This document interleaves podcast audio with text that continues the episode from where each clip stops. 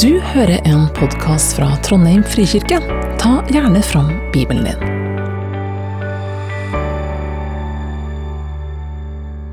Velkommen til dere alle som jeg ikke har hilst på. Jeg heter Lise Sagdal, og alle dere har hilst på. veldig godt å se dere igjen.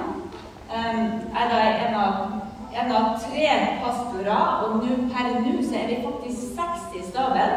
Har du tenkt på det, Ingrid? Marte, kan du reise deg? Vi skal presentere deg ordentlig, men Marte er ny.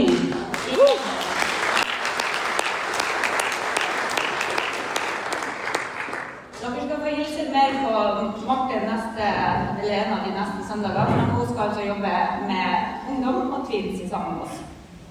Dagens tema er 'Tør vi invitere?' Og Jeg har hørt på noen av dere, og dere har litt forskjellige forventninger. Nå når jeg leste teksten her, så tenkte jeg kanskje jeg skal tale om den, men det er ikke det jeg skal gjøre, faktisk. Den er sånn bakteppe i dag. Så for Bakgrunnen for denne talen det er en samtale som vi hadde i menighetsrådet i juni. Det var ei som sa Jeg syns vi har det fint i Frikirka. Vi har gode gudstjenester og alt sånt der. Men jeg jobber med 150 stykker. Jeg vet ikke hvem av dem jeg kunne ha invitert. Jeg har ingen aning hvem skal jeg invitere. Det er litt stille etterpå. Um, for det er jo liksom menighetsrådet som, som skal synes at det er virkelig viktig å invitere til. Men spørsmålet vi stilte oss, er folk egentlig interessert i kirke og gudstjenester? Er ikke det vi driver med, så annerledes at det er vanskelig å komme hit? Som mannen min sa, det er nesten som å dra på rallycross på Lånke hvis du ikke har gjort det før. Men Jesus sa 'kom og se' da han møtte Andreas og den andre disippelen. Og Philip sa 'kom og se' til Nathanael. Kan vi si det? Hvem inviterer vi, og hvordan gjør vi det egentlig? Det er det jeg skal snakke om. Jeg skal starte med litt sånn historieundervisning for dere som ikke er 56. Eh, tidlig på 80-tallet, da jeg ble kristen, så var jeg med i skolelag. Jeg ble invitert inn. Det var tre stykker i starten. Og i løpet av et halvår så var vi tolv fordi at alle inviterte med seg venner. Eh, vi hadde tre ting som frista. Det var eh, sjokoladepakke og vennskap og bibelstudier. Og vi visste faktisk ikke at det var vanskelig å be folk med på bibelstudium. Vi syntes egentlig det var helt naturlig. Men altså, vi inviterte folk som ikke trodde til bibelstudier. For vi hadde blitt kjent med den oppstandende Jesus, og vi var ganske modige. Senere så ble det vanskelig. I hvert fall vanskeligere. Det var aldri så lett som da. På videregående så var jeg på sånn lederskole i dag. Er det noen som har vært med på det? Lederskole? LS? Ja. Anne Marie har vært på lederskole. Kjempebra. Det var hver sommer, og det var én ting som var obligatorisk, og det å være med på evangelisering. Da skulle vi gå fra dør til dør og ringe på og høre om folk vil høre om Jesus. Det var obligatorisk praksis, sa de. Og jeg grua meg flere måneder før, hver eneste gang. Um, tenk å gå på døra til fremmede og spørre om de vil snakke om Jesus. Noe sånn skrekk og gru.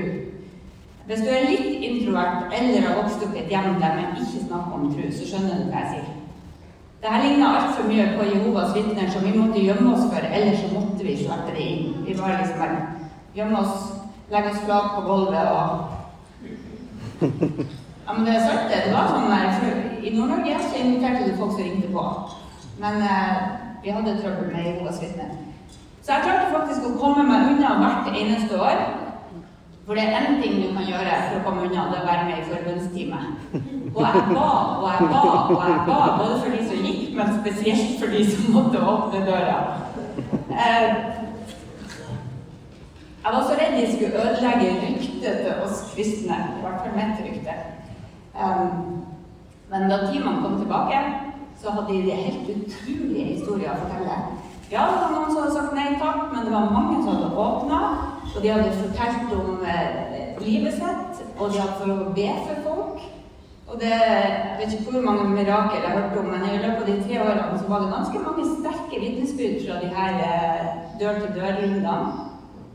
Jeg var fortsatt ikke overbevist om at det var den eh, kloke måten å gjøre det på, men eh, det ble sterkt for de som var med. I studentlaget så, i Trondheim så gikk vi ikke dør til dør, men vi sto på stand på campus og på Nordre. Og vi laga vafler, og så trakk vi folk inn. Og så hadde vi sånne små traktater, husker dere var bare halvparten av denne boka som skulle forklare hvordan, sånn enkelt hvordan du går fra ikke tro, tro til å tro. Um, vi, vi sto på stedet, og så var poenget å invitere folk til møter og debatter og sånn. Og vi ba og vi ba og vi ba både før, under og etter. For én ting er sikkert, det her var ganske skummelt. Etter at jeg var ferdig som student, så ble jeg voksenleder i et skolelag, og vi la vekt på å bygge relasjoner over tid. Så vi hadde skoleandakter hver uke, og så inviterte vi ungdommene til å komme. Og så, og så hadde vi relasjoner med dem. Så på 90-tallet som det her var, så var trenden vennskapsevangelisering. Alle hadde noen å dele tro med. Evangelisering skulle være en naturlig del av livet som, som etterfølger av Jesus. Sånn var det på 90-tallet. Men på 2000-tallet så kom nådegavetester. Husker dere det? Det var en stor lettelse for mange av oss. For alle vi som ikke hadde nådegave til evangelisering, vi kunne nå senke skuldrene. Vi fikk mye bedre samvittighet. Tenk så godt at vi kan få lov å tjene på andre måter enn å evangelisere. Vi skal slippe å oppsøke fremmede, vi skal slippe å stå på stand, og vi skal slippe å snakke med tilfeldige mennesker om Jesus. Men jeg tror noen av oss kasta ut babyen med badevannet, som man sier hvis man har gått litt for langt andre veien. For det var ikke meninga at vi skulle slutte å invitere. Det var ikke meninga at vi skulle slutte å snakke om Jesus. Det skulle vi alle gjøre. 24 så har vi fortellinga om den samaritanske kvinna som får møte Jesus med brønna. Husker dere den fra i år? Hun som fikk lov å snakke med Jesus helt alene. Og så blir hun så glad, og så glemmer hun vannkrukkene. Så springer hun inn til byen og så sier hun, 'Kom og se en mann som har fortalt meg alt jeg har gjort.' Kom og se en mann som vet alt om meg. The good, the bad and the ugly. Og likevel vil han ha med meg å gjøre. Kom og se. Han er Messias. For hun fikk oppleve at livet ble helt forandra i et møte med Jesus. Og det fikk hun trang til å fortelle. Men det var jo da. Hva med oss? I Trondheim frikirke vi visjonen 'Sammen med Jesus ut til mennesker'. Men hvordan når vi nye mennesker med de gode nyhetene om Jesus? Hvordan inkluderer vi mennesker som ikke er sosialisert inn i de kristne kodene, som ikke vet hvordan du oppfører deg når du står og når du sitter? Hvordan deler vi tro med folk som vi lever hverdagen med på jobben og i nabolaget, i familien? Det har jeg tenkt masse på i sommer. Og jeg har faktisk eh, hatt det som en liten sånn eh, et spørsmål til alle jeg har truffet. Hva tenker dere om det her? Fått masse gode samtaler. Så fikk jeg anbefalt denne boka som heter I Once Was Lost. Jeg var en gang bortkommen. Eller her er det en grønn bil i Sahara som tydeligvis står fast. Den er skrevet av Don Everts og en Dog Scout, tror jeg det uttales, som jobber for laget i USA, for Interversity. Og de har snakka med flere hundre studenter om veien fra å være skeptisk til å tro, eller fra å være likegyldig til å tro. Og denne boka den handler om kloke måter å dele tro på, og hvordan man kan skape interesse for tro hos folk som ikke har bakgrunn fra noen kristne hjem eller familie. Og så beskriver denne boka fem stadier eh, fra fra du er langt unna til du bestemmer deg for å tro på Jesus. Jeg skal vise dem snart, snart men jeg minne om at tro er jo på mange måter et mysterium. Jesus har fortalt en lignelse i Matteus 15 om en såmann som sådde korn. og Så står det at noe datt i god jord, og noe på steingrunn, og noe blant tornebusker. Men noe av det, noe av det havna i god jord. Og når Jesus forklarer, så sier han Men det som er sådd i det gode jorda, det er de som hører ordet og forstår det. Han bærer frukt 160 ganger. 160 og 30 ganger det som ble sådd. Så det betyr at ikke alt vi sår, ikke alt det vi deler, faller i god jord. Men noe gjorde det, og avlinga var stor. Ser du det er minimum 30, 30 ganger avkastninga her? Det er ikke sånn at dette er eh, noe vi skal tenke smått om. Men så er det sånn at vi vet jo ikke hvem som vil høre og forstå og komme til tro. Så vi kan så, og så er det Gud som gir vekst. Sånn er det i Guds rike. Nå skal jeg vise dere de her eh, fem stadiene. Nå blir det litt forelesning, men eh, hold ut. Her er det lesbart fra bak. Klarer dere å lese teksten? Det var litt mindre enn jeg hadde trodd. Eh, jeg skal lese dem også. Fra, fra venstre til høyre. Tillit, nysgjerrig, åpen, søkende og disippel. Og poenget her er, og det står på engelsk under um, Poenget her er at når vi skal dele tro med venner og kjente, så er det naturlig å møte dem der de er. Og da er det greit å vite hvor nært eller hvor langt ifra tro befinner de seg egentlig. Du kan jo tenke på din egen vei til tro, eller tenke på en venn som du kjenner.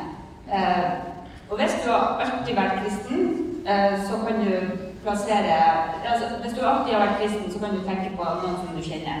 Men første stadium i denne veien til tro, det er tillit. Først skal jeg beskrive det her veldig kort, og så skal jeg si litt mer etterpå. Men mange starter med å være skeptisk og kanskje ha negative følelser mot kristne. Så det første steget er den dagen de treffer en kristen som de kan stole på.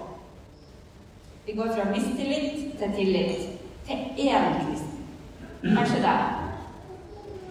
Og så er det ikke sånn at man blir automatisk interessert i tro fordi man kjenner en kristen. Jeg har en kamerat han, han sto på det her første steget, tillit, i 30 år før han ville snakke om tro. Han sa veldig klart fra 'Jeg liker deg, jeg syns du er ok, men tro vil jeg ikke ha noe med å gjøre'. Neste steg er fra likegyldig til nysgjerrig. Og nå skjer det noe viktig, for nå kommer spørsmålene, og det er et kjempeviktig steg. Og vi kan gjøre en god del for å vekke nysgjerrighet. Det er det skal jeg komme tilbake til. Neste steg her er fra negativ Neste steg er fra negativ til endring i eget liv til åpen for endring.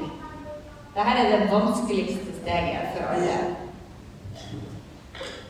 Du kan være nysgjerrig uten å ville se på ditt eget liv så nøye.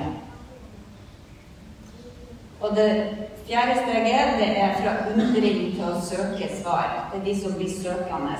Eh, for det er mye lettere å være på leiting og holde alle mulighetene åpne enn å faktisk skulle begynne å søke etter svar, etter sannhet. Det er mer sosialt akseptert å lete. Og så kommer vi til det femte, og det er den som en dag Når du en dag tar imot invitasjonen og vil være en disippel, en som følger etter Jesus. Da er det fest i himmelen, står det i Bibelen. Og kjempestor glede hvis noen får lov, det er for den som får lov å være med og se på det. Så det var de fem stadiene i kortversjonen. Og så er det sånn at man kan gå frem og tilbake her. Det er ikke sånn at livet leves som lineært, men man kan kanskje hoppe litt opp og litt ned. Og noen ganger så føles det som det går i ring. Eh, han Kameraten min som jeg nevnte, han brukte bare et halvår på de fire neste stadiene. Så 30 år uten å bevege seg, og så han, tok han hele greia i, i, på veldig kort tid. Og det var jo en fantastisk reise å være med på. Jeg hadde aldri trodd det skulle skje med han.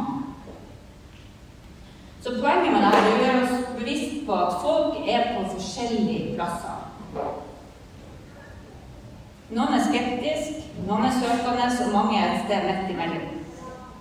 Når vi vet sånn cirka hvor de er, så kan vi tilpasse eh, invitasjonene våre og samtalene som vi kan ha om tro. Så hvis vi går tilbake, så ser vi litt nærmere på første steget, fra mistillit til tillit. Nå er det sånn at Grunnen til at folk ikke stoler på oss, det er at de kjenner ingen som tror. For de masse, kan ha masse ideer, og det kan være helt gale ideer. Noen har blitt såra og avvist. Noen har eh, hatt opplevelser som gjør at de er utrygge, og mange vet bare ingenting. Og her kan vi lære av Jesus, for han kom for å være sammen med mennesker. Han tok bolig blant menneskene, sier Johannes. Han brukte tid på å bygge relasjoner. Og det tror jeg er veien å gå, hvis vi skal ha håp om at våre venner skal være det minste interessert i hva vi tror på. Og så er det sånn at Vi starter jo ikke med å invitere dem på gudstjeneste eller på bibellesing. Vi starter med relasjoner og vennskap, for tillit er et avgjørende første steg. Du har kanskje hørt en venn eller kollega si du er ikke sånn som de andre kristne. Du er ganske ok, du. Det har jeg hørt mange ganger, så har jeg tenkt at uff.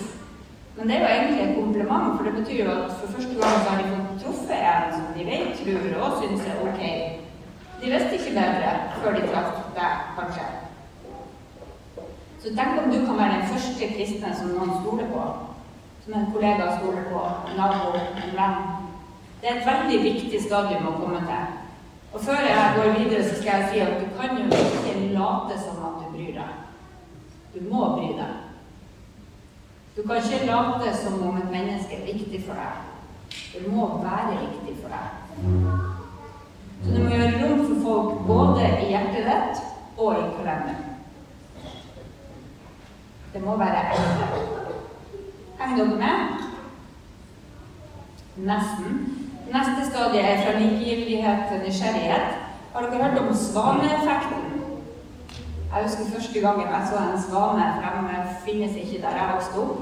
Men jeg var tolv år, og vi var på Eidsvoll, og det var sånne svaner ute i det blanke vannet som glir over vannet. Kjempeelegant, nydelige fugler.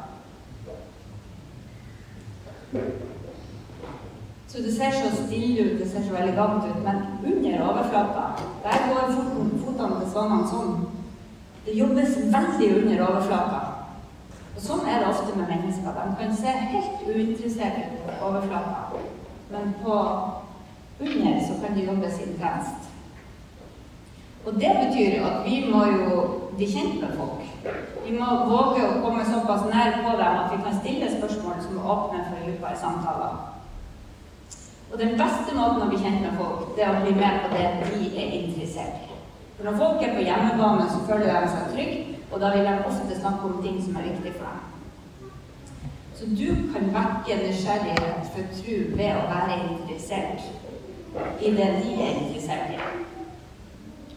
Jeg har en venn som er så utrolig god til å stille gode spørsmål. Han, han, han spør ikke om de vanlige tingene, sånn som eh, eh, hvordan går det, eller hva gjør du? Han kan spørre hva gleder du deg til? ikke det et interessant spørsmål? Bård Olav har ikke sett deg på en stund. Hva gleder du deg til for tida? Det er et utrolig godt spørsmål, for det får oss ut av de sosiale kodene der vi skal svare kort og greit. Så det får oss til å tenke. Og hvis du som spør, lytter interessert, sånn som han kameraten min gjør, så føler man seg sett, og så blir man kjent. Jeg har samla meg en liste med 15 spørsmål som jeg skal teste på dere i løpet av høsten. Og det, det var jo kjempegode. Det var selvfølgelig en amerikaner som gjorde det, men det hjelper, hjelper å oversette. Um, og så kan vi vekke nysgjerrighet med godhet og omsorg. Det vet dere som har vært med på Godhetsaksjonen. Godhet gjør folk nysgjerrig. De spør seg hvorfor eh, tar du deg tid til meg? Hvorfor bryr du deg? Hvem er du egentlig som, som er her med meg og hjelper meg, eller er der når jeg er syk? Godhet kan starte interessante samtaler. For å ta et tredje ting her, så det tredje som er, kan vekke nysgjerrighet, det er å fortelle naturlig hva det betyr for oss å følge Jesus. Og det her kan jo slå begge veier, så jeg skal si litt mer om det. Jeg vet ikke hva du tenker, men jeg syns det er mye lettere å fortelle om en konsert jeg har vært på, eller en bok jeg har lest, enn å fortelle hva vi gjør her i menigheten. Og jeg jobber jo her. Sant? Dere har det sikkert enda verre. Eh, så det betyr at jeg må øve meg på å snakke om tro på en måte som er naturlig, og som kan oppleves positivt. Jeg hadde en ganske ekkel opplevelse på et fly her denne uka der jeg traff en gammel kollega og skulle snakke om eh, hverdagen. Og så kom jeg Det er helt naturlig å fortelle at jeg nå jobber som pastor og ikke jobber på NTNU, der han tror jeg fortsatt jobber. Men da er det å prøve å finne ut hva er det som er naturlig i denne samtalen. Eh, Så jeg prøvde å si litt som jeg tenkte han var interessert i, men her er noen eksempler som dere kan bruke. Eh, si litt om fellesskapet og de fine folkene her. Hvis du har gått her i mange mange år, så har du mange av vennene dine her. Og det er et unikt fellesskap fordi at vi er så forskjellige. Hvem andre har et sånt fellesskap som de treffer en gang i uka? Folk vil synes det er ganske interessant å høre om. Eh, andre punktet er hvis de har barn eller barnebarn, så bruker jeg å skryte hemningsløst av barnearbeidet. Og folk blir liksom sånn Oi, går det an? Altså, ha- finnes det søndagsskole fortsatt? vil noen si. Og noen har aldri hørt om det, og da er det enda artigere. Og noen så passer det å fortelle noe du har hørt i en tale, eller noe kreativt som skjedde. Det er sirkusgudstjenesten og alt det der vi drev med i fjor, det har jeg brukt utallige samtaler. Og folk blir veldig nysgjerrige. Hæ? Gjør dere sånt i kirka? Hvorfor det? Og så kan du fortelle hvorfor. Kanskje kan vi øve oss litt på å fortelle naturlig om det vi tror på, og den menigheten vi hører til Du kan i hvert fall komme med små hint, for det er veldig rart om vi ikke gjør det. Har dere vært borti det at det er noen som eh, ikke vet at du er kristen etter ti års vennskap? Eller kjennskap? Jeg syns det var skikkelig ekkelt når, eh, når jeg fortalte jeg hadde blitt pastor, og så sier de Oi, det hadde jeg ikke venta!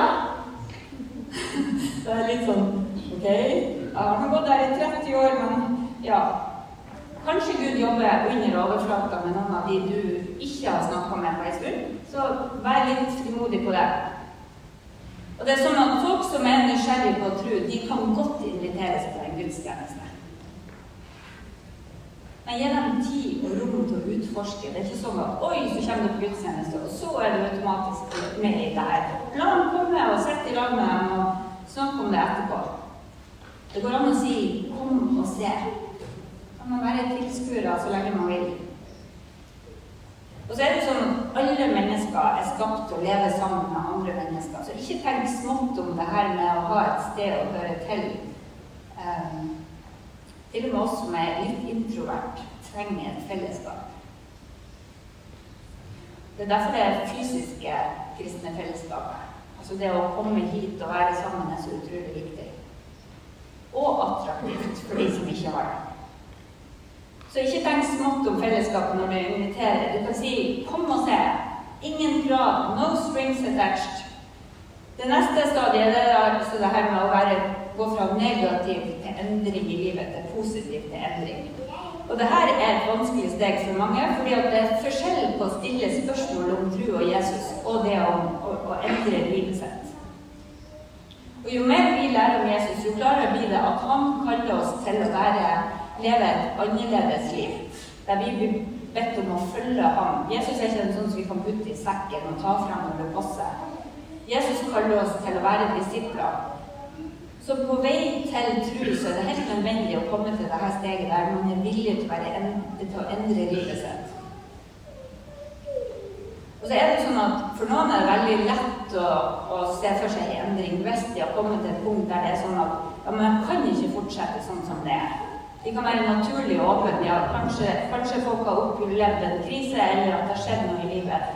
Så vær litt obs på det hvis dere har folk rundt dere som enten har flytta, eller som står i en eller annen krise eller sykdom, så er folk veldig ofte mer åpne for livet i en sånn fase fordi at det er allerede endring. Så vær litt obs på det.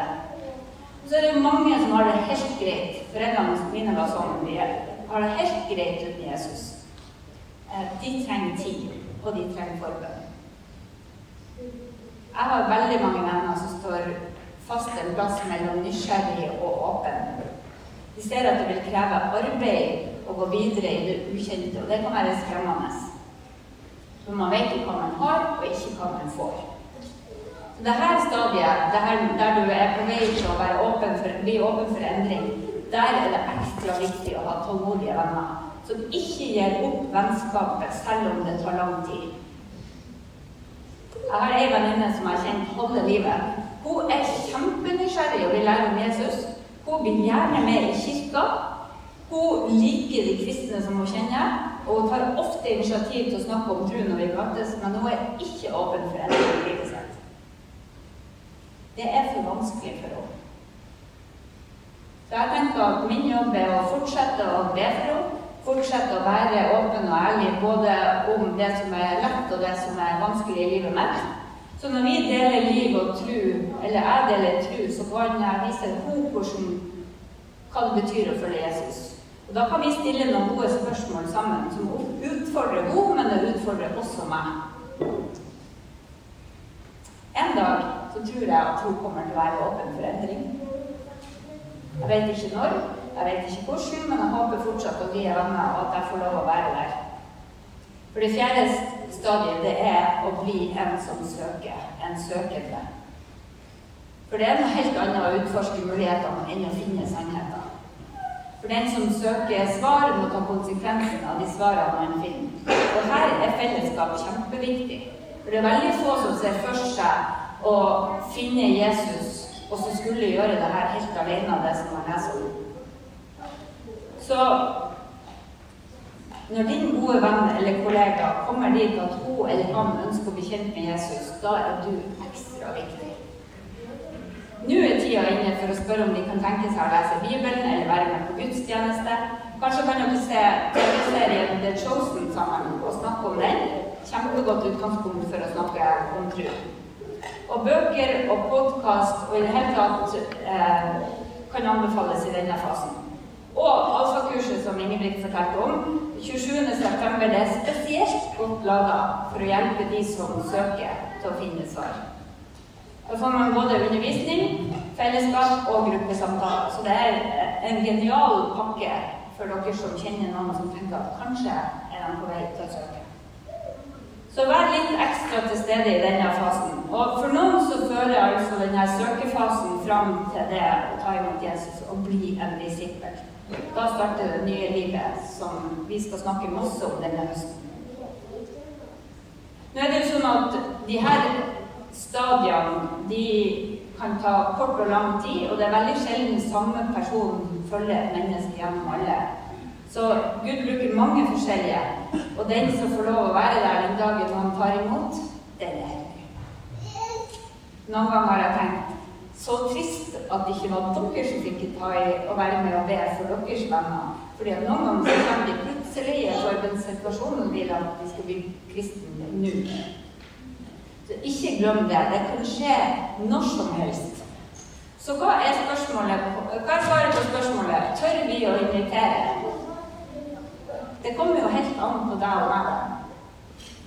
Oppsida er helt enorm, for Gud kan forandre liv og evighet. Og oppdraget er helt entydig. Jesus sa 'gå ut og gjør alle til disipler'. Én etter én etter én. Og så vet vi at vi har en Jesus som kan gjøre uendelig mye mer enn vi ber om og forstår. Så hvorfor ikke be for vennene dine. Og ta en sjanse hvis du kjenner noen som har kommet dit og de har tillit til deg, eller er litt nysgjerrig. Og hvis du inviterer meg hit nå i høst, så skal vi gjøre vårt aller beste for å ikke være rar, for å ikke oppføre oss teit. Vi skal prøve å ta imot dem, vi skal se dem, og du skal slippe å være den eneste som skal ta vare på dem. Så ikke vær redd for det. Ta med vennene dine hit sånn at de kan få rom og tid til å utforske og søke. Og Da spørs det om dere er klar for en utfordring. Er dere? Jeg prøvde å gjøre det så konkret som overhodet mulig. Tenk på to venner som er på et av de her stadiene fra én til fire. Hvor er de? Prøv å tenke hvor de er vil jeg utfordre deg til å be for dem daglig. Jeg hadde skrevet de neste fire ukene, sier Odd Jørgen. Hvorfor skal de slutte etter fire uker? Eh, be for dem daglig. Tenk på to venner. Finn ut hvor de er. Be for dem daglig, og be om muligheter til å hjelpe dem videre mot Jesus. Og så får du kanskje sånn eh, skrekk og gru, sånn som jeg hadde når vi skulle gå på dører og evangelisere. Nå kan du slappe av og senke skuldrene dine. fordi her er det snakk om å be for folk du allerede har et forhold til. Noen du er glad i. Inviter dem gjerne med i kirka hvis de er klare for det. Men det er helt greit å vente litt òg. Begynn å be, begynn å tenke. Så er det jo lett å tenke negative tanker. Hva om de sier nei? Det er det verste som kan skje, kanskje. Så hva? Så? La dem si nei. Um, hva hvis de tror jeg er rar? Ja. Det får du tenke på hva du gjør med. Um, hva om de sier ja, og det blir for krevende å følge opp? Sånne spørsmål har jeg bestandig når jeg skal spørre og invitere. Og det er lurt å tenke gjennom, men kanskje vi skal tenke de, stille de positive spørsmålene først. Om Gud har jobba under overflata allerede, og de ender opp med å ta imot Jesus. Tenk om de får et nytt liv, et nytt håp, et nytt fellesskap. Tenk om din venn har venta på at du skal dele. Det er faktisk ikke helt uvanlig. Tenk om din venn tar imot Jesus og generasjoner fremover blir påvirka av det valget. Tenk om det skjer. Bli med oss i bønn. Kjære Jesus, jeg vet at dette er lettere å snakke om enn å gjøre. Jeg ber om at du gir oss visdom og vilje til å leve sånn at andre kan se deg og få del i nåden og freden og det livet du gir. Hjelp oss, Jesus, til å se hvem vi skal be for, og hjelp oss til å be. Hjelp oss til å invitere den tida inne. Vi ber om det i ditt navn, Jesus. Amen.